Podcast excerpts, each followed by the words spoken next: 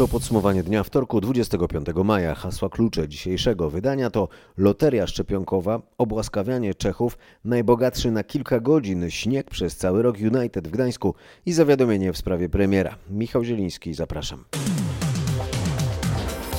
Na początek e, o zawiadomieniu do prokuratury w sprawie urzędującego premiera. To sytuacja wyjątkowa. Najwyższa Izba Kontroli po przyjrzeniu się organizacji wyborów w trybie korespondencyjnym w maju zeszłego roku zawiadomiła prokuraturę o możliwości popełnienia przestępstwa przez czterech najwyższych urzędników państwowych. Prezes Najwyższej Izby Kontroli Marian Banaś oświadczył. Najwyższa Izba Kontroli, mając na uwadze wagę stwierdzonych nieprawidłowości w czasie przedmiotowej kontroli, kieruje do prokuratury zawiadomienie o podejrzeniu popełnienia przestępstwa przez prezesa Rady Ministrów pana Mateusza Morawieckiego, szefa Kancelarii Prezesa Rady Ministrów pana Michała Dworczyka, ministra Ministerstwa Aktywów Państwowych pana Jacka Sasina oraz ministra Ministerstwa Spraw Wewnętrznych i Administracji pana Mariusza Kamińskiego.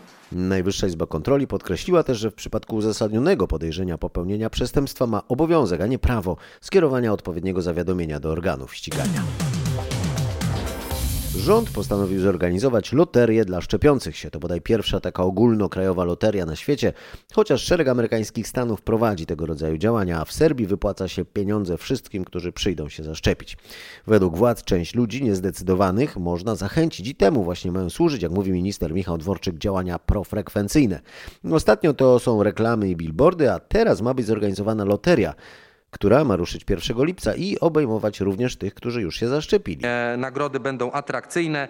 Mniej więcej co 2000 osoba, e, która będzie się szczepiła, będzie wygrywała, znaczy będzie otrzymywała 500 zł. To można powiedzieć taka e, nagroda gwarantowana, ale każdy uczestnik tej loterii będzie miał cztery szanse na wygraną. To znaczy poza tym natychmiastową wygraną dla co 2000 uczestnika 500 zł, co tydzień będą losowane nagrody po 50 tysięcy złotych, do tego różnego rodzaju nagrody rzeczowe, takie jak hulajnogi elektryczne, vouchery na paliwo, vouchery ubezpieczeniowe. Co miesiąc będzie to dwa, dwie nagrody po 100 tysięcy złotych plus samochód hybrydowy i w finale dwa razy po milion złotych e, i również e, samochód hybrydowy. Więc proszę Państwa, e, te nagrody są atrakcyjne, ale wierzymy wzorem też na przykład innych krajów, takich jak Stany Zjednoczone, że taka loteria pozytywnie wpłynie na zainteresowanie programem szczepień, na te wszystkie działania, o których dzisiaj mówimy, włącznie ze środkami oczywiście, a raczej w pierwszym rzędzie ze środkami na samorządów, wydamy ponad 140 milionów złotych. To jest bardzo dużo pieniędzy, ale to są pieniądze przeznaczone po to, żebyśmy jak najszybciej poradzili sobie z pandemią, jak najszybciej, żebyśmy mieli zaszczepioną jak największą część populacji, bo to jest właśnie jedyna droga, żeby pokonać e, Poza koronawirusa. tym mają być też zachęty dla gmin. Pieniądze dla 500 pierwszych, które osiągną wskaźnik 75% zaszczepienia. E, Będziemy chcieli e, dla e, 500 pierwszych gmin, które osiągną stopień e, zaszczepienia, wskaźnik zaszczepienia mieszkańców co najmniej 75%, przeznaczyć po 100 tysięcy złotych na gminę na wydanie e, na dowolny cel, czy to będzie inwestycja, czy jakieś inne sprawy, czy rozdanie, rozdysponowanie po funduszach sołeckich, czy jeszcze inne kwestie, to już będzie uzależnione od gminy. Natomiast w każdej e, gminie, gdzie będzie najwyższy stopień zaszczepienia, w ujęciu byłego podziału terytorialnego na 49 województw, więc to będzie 49 takich obszarów i Każda gmina, która e, będzie miała najwyższy odsetek w danym obszarze, otrzyma milion złotych. 140 milionów złotych to dużo, ale dla porównania na przykład trzeba będzie wydać około 200 milionów, by zaspokoić żądania Czechów i przekonać ich, by wycofali skargę, której skutkiem jest unijny nakaz zamknięcia kopalni Turów w Bogatyni. O tym w podsumowaniu dnia już niedługo, a jeśli chodzi o loterię, to mają finansować budżet, lotto i inne państwowe albo kontrolowane przez państwo firmy. Y, Dzięki tym pieniądzom może się udać oszczędzić więcej, bo być może nie trzeba będzie leczyć ludzi i zamykać gospodarki, jeśli przyjdzie czwarta fala.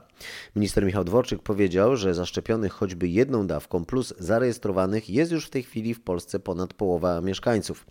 Aby uodpornić co najmniej 70% populacji, taki jest rządowy plan, trzeba jeszcze będzie zaszczepić jakieś 7 milionów ludzi, czyli na każdego dodatkowego zaszczepionego akcja loteryjna kosztować będzie około 20 zł. Co o tym myślą przechodnie?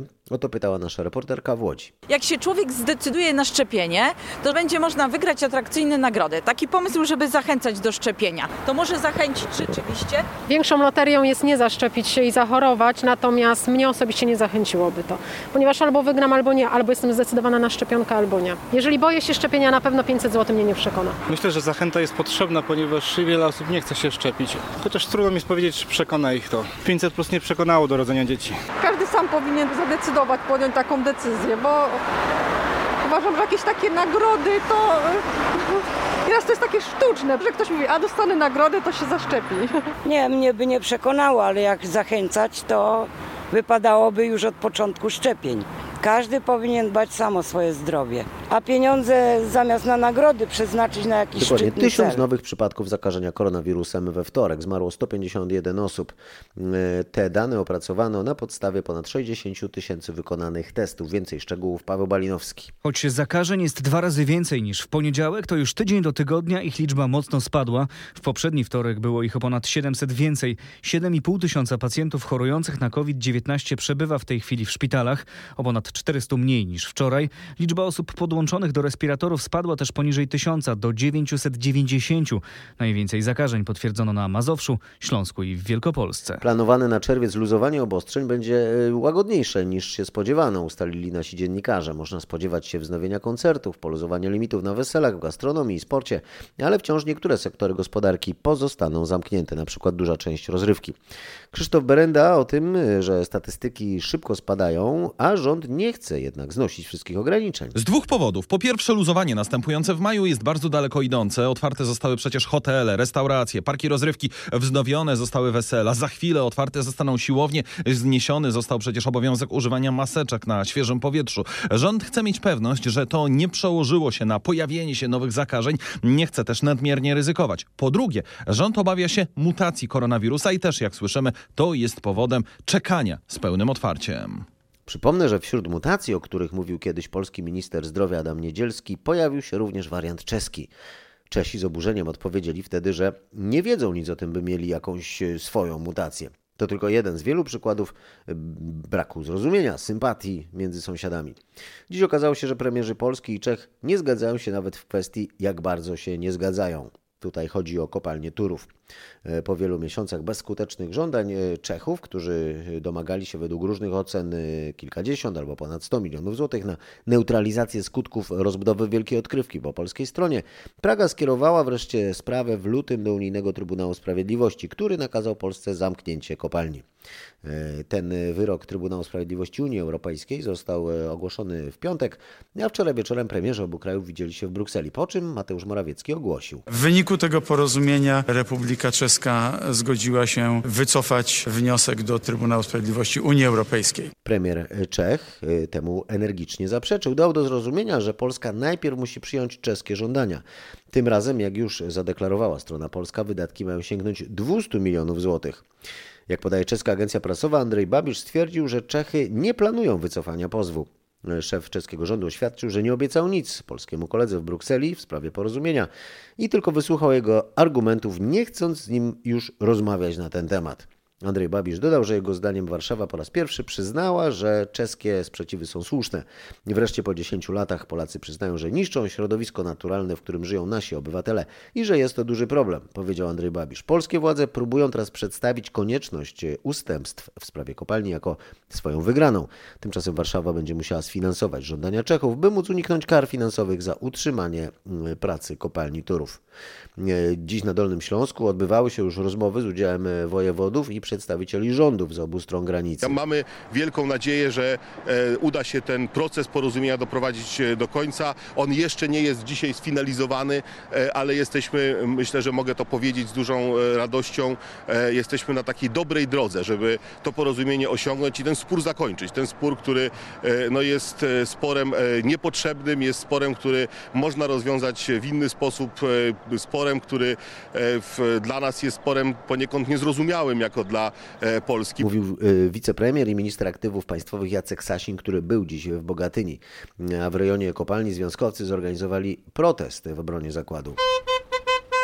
Tędy, jak widzi pan, grupę tirów jeździ z zaopatrzeniem do czeskich fabryk. I chcemy im, tak jakby to najprościej powiedzieć, trochę utrudnić ten dojazd, czy, czy Czechom uświadomić, że troszkę i od, Pol od Polaków są zależni troszkę, tak? Bo, bo jeżeli nie byłoby tej drogi, którą, do, do której też Polacy przyłożyli rękę, żeby ułatwić dostęp do fabryk Czechom, to by Czesi jeździli, to te zaopatrzenia by jeździło przez Niemcy. A tam oczywiście więcej ograniczeń jest. No nie wiem, czy wycofają. No liczymy, no ja to wie pan, już nie liczę, bo ja na emeryturze, to, ale przepracowałem też tu 45 lat w elektrowni. Myśli pan, że faktycznie jest szansa na to, że to porozumienie będzie? No powinno być. To musi być jakoś zatwierdzone. Taka umowa to wie pan. Umowa już była, przecież Czesi podpisali do 2044. To nie można tak w ten sposób. A co myśmy tym Czechom zrobili? Jakie to ma wpływ? Wodę im zabieramy, tyle lat była kopalnia. Wszyscy z tego się utrzymujemy. Ciepło to jest tragedia. Jak można w ten sposób niszczyć nas? A zakupki przyjeżdżać do nas robić? Premier mówi, że jest blisko porozumienia. No, dajmy Boże, żeby to było tak, bo zaczną się strajki i niepotrzebna będzie taka złośliwość międzypaństwowa. Mnie to pociesza tylko to, że się dogadali, bo ja pracuję w Czechach. Zawsze lepsze mieć stosunki z sąsiadem niż gorsze. Tylko zobaczymy na jak, na jak długo to będzie. Przypuszczam, że Czesi wezmą to, co będą chcieli, a później za jakiś czas z powrotem będzie to samo. Będzie powtórka z rozrywki, tylko że nie rozumiem jak to jest, że ich ta większa kopalnia nie ściąga wody, a nasza mała i ściąga. Tak? Po prostu chodzi o kasę, wiadomo. Jak nie wiadomo o co, to zawsze o pieniądze. Jakby kopalnię zamknęli, to my zostajemy, wie pan, bez niczego, a mamy dzieci na, wy, na wychowaniu, prawda? I myślę, że będzie wszystko dobrze. Miejmy nadzieję, prawda? Trzymamy kciuki, żeby było dobrze, nie? I się co dzień modlimy, że kopalnie zamkną, wszystko padnie. Także już nic tutaj by Bogatyni nas nie trzymało. Idzie wyjeżdżać, jak mamy po 50 lat, gdzie szukać pracy. To głosy mieszkańców Bogatyni, z którymi rozmawiał nasz reporter e, Paweł Pyclik, a w podsumowaniu dnia podsumujmy ten temat. E, usłyszycie szczegóły od naszej korespondentki w Brukseli, Katarzyny Szymańskiej-Borginą. Tak, rozmowy przynoszą efekty, trzeba rozmawiać, trzeba wyjść naprzeciw niepokojom sąsiadów. No, trzeba też powiedzieć, że, że Polska była troszkę pod ścianą, nie miała wyjścia. Tylko porozumienie z Czechami mogło anulować środek zapobiegawczy CUE i ochronić władzę czy Polskę przed wysokimi dziennymi karami. Strona polska w końcu, w końcu uznała, że Czesi mają problem z wodą i z zapyleniem, no i zaproponowała konkretne rozwiązania ich problemu, czego Czesi od, od dawna się domagali. Premier powiedział, że Polska zgodziła się współfinansować wieloletnie projekty w tym regionie w wysokości 45 milionów euro. Powołano także komisję ekspercką, która będzie na bieżąco badać kwestie środowiskowe. Polska Grupa Energetyczna wybuduje wcześniej niż pierwotnie zakładano. Zakładano w 2023, a ma to się stać nawet we wrześniu tego roku. Wybuduje specjalne ekrany filtrujący, który zabezpieczy odpływ wody oraz będzie również prowadzić takie prace, które mają zabezpieczyć stronę czeską przed pyłami, które przenikają do nich w wyniku wydobycia węgla. Premier powiedział, że strona czeska będzie teraz przez najbliższe dni, jak się wyraził, operacjonalizowała te ustalenia, a to może oznaczać tylko tyle, że Czesi będą polskie ustępstwa potwierdzać i od tego ostatecznie będzie zależało, czy wycofają skargę. Skoro jesteśmy w europejskiej stolicy, to jeszcze o unijnym paszporcie covidowym, bo jest coraz bliżej do wakacji. Ta sprawa została też poruszona przez Roberta Mazurka w porannej rozmowie w RMFFM, a jego gościem był wiceminister spraw zagranicznych Marcin Przydacz.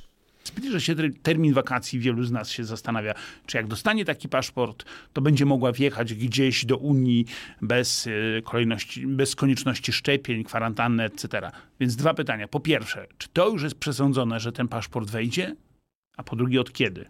Panie redaktorze, tak to jest przesądzone, że na poziomie europejskim jest funkcjonująca regulacja dotycząca e, paszportu covidowego. Panie ministrze, do czy pan może 1 mówić takim lipca- językiem, żebym ja zrozumiał? To znaczy, czy będzie paszport covidowy wspólny dla całej Unii, Unii Europejskiej? Postaram się mówić dużymi literami. Do, po, do, 1, do 1 lipca e, zostanie wprowadzony system paszportów covidowych. Polska nawet wcześniej gotowa będzie już, e, jak wskazuje Ministerstwo Zdrowia, do 25 czerwca. Sensem całego tego systemu jest to, aby móc łatwiej e, podróżować po, po Europie, po, po, strefie Schengen, No i tu móc zgoda. Legitym, legitymować się e, albo szczepieniem, albo faktem przechorowania, posiadania e, przeciwciał.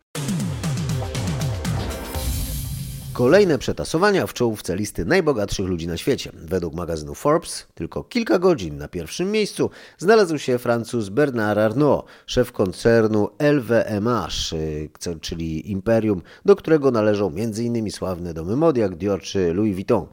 Jak to możliwe, że Francuz y, był najbogatszym człowiekiem na świecie tylko przez kilka godzin? Otóż chodzi m.in. o notowania giełdowe gigantycznego koncernu LVMH, który specjalizuje się w wyrobach luksusowych i którego Bernard Arnault jest współwłaścicielem. Wczoraj o godzinie 9.30 rano naszego czasu, po otwarciu giełdy w Paryżu, akcje tego koncernu i innych spółek należących do tego miliardera sięgnęły rekordowego poziomu i Arnault wyprzedził w rankingu Forbes Jeffa Bezosa, założyciela i szefa koncernu Amazon. Ale wystarczyło poczekać do otwarcia giełdy w Nowym Jorku. Kilka godzin później, by chwilowo zdetronowany Bezos powrócił na szczyt rankingu, wyprzedzając Francuza o ponad miliard dolarów. To Marek Gładysz, nasz korespondent w Paryżu, który dodaje, że Francuz wyprzedza jednak ciągle innego sławnego amerykańskiego miliardera Ilona Muska. Na razie wyprzedza, ale od czasu wybuchu pandemii koronawirusa na szczycie listy najbogatszych ludzi na świecie trwa ciągle tak ostra przepychanka, że może się to zmienić prawie z minuty na minutę. Przypomnijmy, że niedawno Elon Musk też zdetronował Bezosa, ale niezniszczalny Jeff, jak nazywają go niektórzy komentatorzy, szybko powrócił na tron, no bo ostatecznie koncern Amazon w czasie lockdownów w różnych krajach okazał się, czy chcemy tego czy nie, niezastąpiony. Natomiast sukces Francuza pokazuje, że kryzys nie kryzys, pandemia nie pandemia, wyroby luksusowe miewają się dobrze. Tyle o miliarderach, a rekordzista Polski z największym minusem, jeśli chodzi o niespłacone długi, ma do oddania 76 milionów złotych. Niemal milion Polaków e, po 35, a przed 50 rokiem życia nie reguluje swoich długów. Szef Krajowego Rejestru Długów Adam Łącki mówi, że w tej grupie wiekowej ludzie już mają ugruntowaną pozycję zawodową i chcą korzystać z życia, często za pożyczone pieniądze. Niestety, te aspiracje nie zawsze pokrywają się z możliwościami finansowymi. Dodatkowo w ostatnim roku pandemia zweryfikowała sytuację wielu osób, które musiały zmierzyć się z zawirowaniami w pracy. W efekcie miało to wpływ na możliwość spłaty zobowiązań, co odzwierciedla nasza baza danych. Niestety koronawirus i sytuacja w kraju stały się wygodnym usprawiedliwieniem niepłacenia, chociaż w wielu przypadkach nie miały większego wpływu na sytuację dłużników. Często już przed pojawieniem się pandemii nie regulowali oni swoich zobowiązań. Dodaje Jakub Kostecki z firmy Inkaso. Najczęściej nieregulowane rachunki to opłaty za telefon, internet, mieszkanie, prąd, wodę i gaz, a także raty kredytów gotówkowych. Teraz podsumowanie dnia o egzaminie na koniec podstawówki. O tym, co było na Polaku, opowiedzą Anna Lech i Agnieszka Potępska, polonistki ze Szkoły Podstawowej nr 2 w Lublinie. Według mnie był y, porównywalny do egzaminów z poprzednich lat. Pytania schematyczne, takie jakie y, były rozwiązywane również na y, egzaminach próbnych. Znowu się kłania na przykład takie tutaj zadanie na temat znajomości lektur, kartka z kalendarza. Było bardzo podobne w ubiegłym roku. Skojarzenie po prostu elementów graficznych, graficznych z fabułą. tak, z fabułą. Znaczy myślę, że uczniowie nie powinni czuć się zaskoczeni y, zadaniami. Tak, tak. tak ogólnie Gramatyki można też nie było Gramatyka w dużo. bardzo takim prostym, funkcjonalnym y, ujęciu raczej nie powinna y, tutaj zaskoczyć. Zresztą opinie, opinie uczniów po, po wyjściu z egzaminów były raczej pozytywne, może nie hura optymizm, ale pozytywne odczucia po napisanym egzaminie. No i tego się trzymamy. E, Trafił się trudny temat, bo mało lektur było, które dotyczyły jakby tego tematu. Czy trudne sytuacje w życiu człowieka pomagają mu poznać samego siebie? Odniosłam się do trzech lektur, ale nie wiem, czy była poprawność jakby. No, u mnie myślę, że będzie dobrze. Do dwóch lektur się odwołałem. Rozprawka była taka sobie. Nie, jedno pytanie było takie też ciężkie, bo nie można było znaleźć dobrej lektury, żeby to po prostu odwzorować, ale tak to było takie no, w miarę. Nie było najgorzej, zawsze mogło być gorzej. Ważne, że nie było kwowalis. Nie było najlepiej, ale też nie było najgorzej, no tak można powiedzieć. Jutro matematyka. No i No na pewno stres większy niż dzisiaj, bo no zawsze matematyka jest trudniejsza, ale mam nadzieję, że jakoś dobrze pójdzie. Czego nie powinno być? No właśnie. No jak matematyka? Matematyka jest łatwa. Ja tam lubię matematykę. Czyli jak zwykle, tak, tobie pan Tadeusz pasuje, jemu nie. Tobie matematyka nie, jemu tak. Dokładnie. I tak to trochę z tymi egzaminami jest, tak, że jeden lubi e, humanistyczne, a drugi matematyczne. Tak, no to różnie jest, to zależy od ucznia i od jakby głowy. Właśnie, a na matematyce czego byś nie chciała na pewno, żeby się pojawiło? Mm, oś liczbowa albo jakieś graniastosłupy, coś w tym stylu.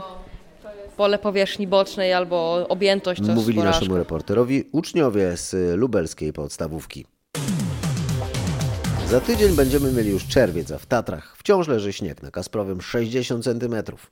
Byliśmy wczoraj właśnie. byliśmy. Jest dużo śniegu. Bardzo dużo. Co to się dzieje? Przecież czerwiec za chwilę, no to prawie wakacje już. No myśmy planowali właśnie wakacje, że pochodzimy sobie trochę po górach właśnie, że wejdziemy na Kasprowy, a wjechaliśmy wczoraj, bo trochę się baliśmy, nie mieliśmy raków. Nikt Tatrom nie powiedział, że już jest maj, końcówka maja.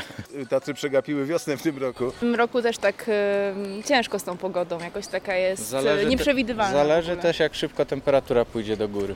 No górale mówią, że może być tak, że się śnieg ze śniegiem spotka, to znaczy ten stary jeszcze nie zdąży stopnieć, jak już nowy spadnie. Może tak być. Może być. Jak górale tak mówią, to tak może być chyba.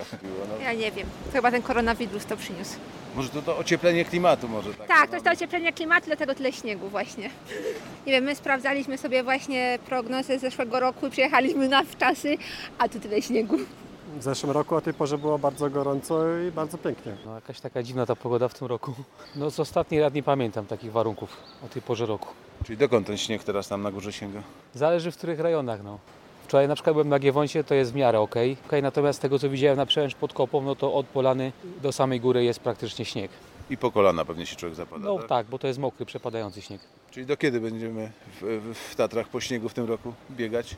Jakieś ciepłe deszcze, jakieś wiatry, myślę, że dwa tygodnie powinien zginąć ten śnieg. No, ale to z tego wynika, że w czerwcu jeszcze śnieg będzie. No Co też na mi się to tak wydaje. synoptyk Instytutu Meteor- Meteorologii i Gospodarki Wodnej Szymon Ogórek? Były takie lata, że nawet w lipcu e, występowały opady śniegu. Najpóźniej pokrywa śnieżna wysoko w górach na Kasowym Wierku wystąpiła w lipcu, 25 lipca roku 1986. Natomiast najwcześniej, w roku 89, natomiast no nie było jeszcze takiej sytuacji, żeby nieprzerwanie przez cały rok ta pokrywa śnieżna występowała.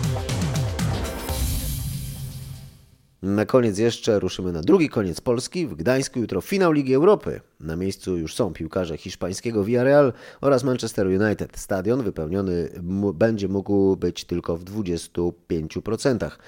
Po 2000 fanów obu drużyn y, przylatuje z zagranicy, ale w mieście są już i polscy kibice na swoich idoli w strugach deszczu. Czekali dziś przed hotelem Gdańsk, gdzie zatrzymali się piłkarze słynnego Manchester United. Wierni kibice zawsze podążają za swoją drużyną. Wiernemu kibicowi deszcz i pogoda nie przeszkadza. Nie przeszkadza. Ani wiatr nie wieje w oczy. Fajnie zobaczyć swoich idoli tak na żywo. Zawsze w telewizji, tam kiedyś byłem na Old Trafford na meczu, ale no, tak jak tutaj sobie stoję, to coś dla mnie to takie fajne przeżycie emocjonalne. Tak sobie myślę, że tam Ferguson jest gdzieś, Solskjaer, cała ekipa, to aż jakoś ciepło się robi. Kibicem United jestem od 53 lat. Od meczu z Górnikiem Zabrze, jak grali w 68 roku. Jutro mecz na stadionie, czy, czy No przed niestety, telewizorem? nie, nie, Nie udało się nie zdobyć. udało mi się zdobyć biletów, także dlatego filuję tutaj nie? i czekam. Może mi się uda ich zobaczyć. Początek meczu jutro o 21.00 z fanami Manchesteru rozmawiał nasz trójmiejski reporter Kuba Kauga. Minęły 24 minuty podsumowania ostatnich 24 godzin. Michał Zieliński, dziękuję za uwagę i do usłyszenia jutro.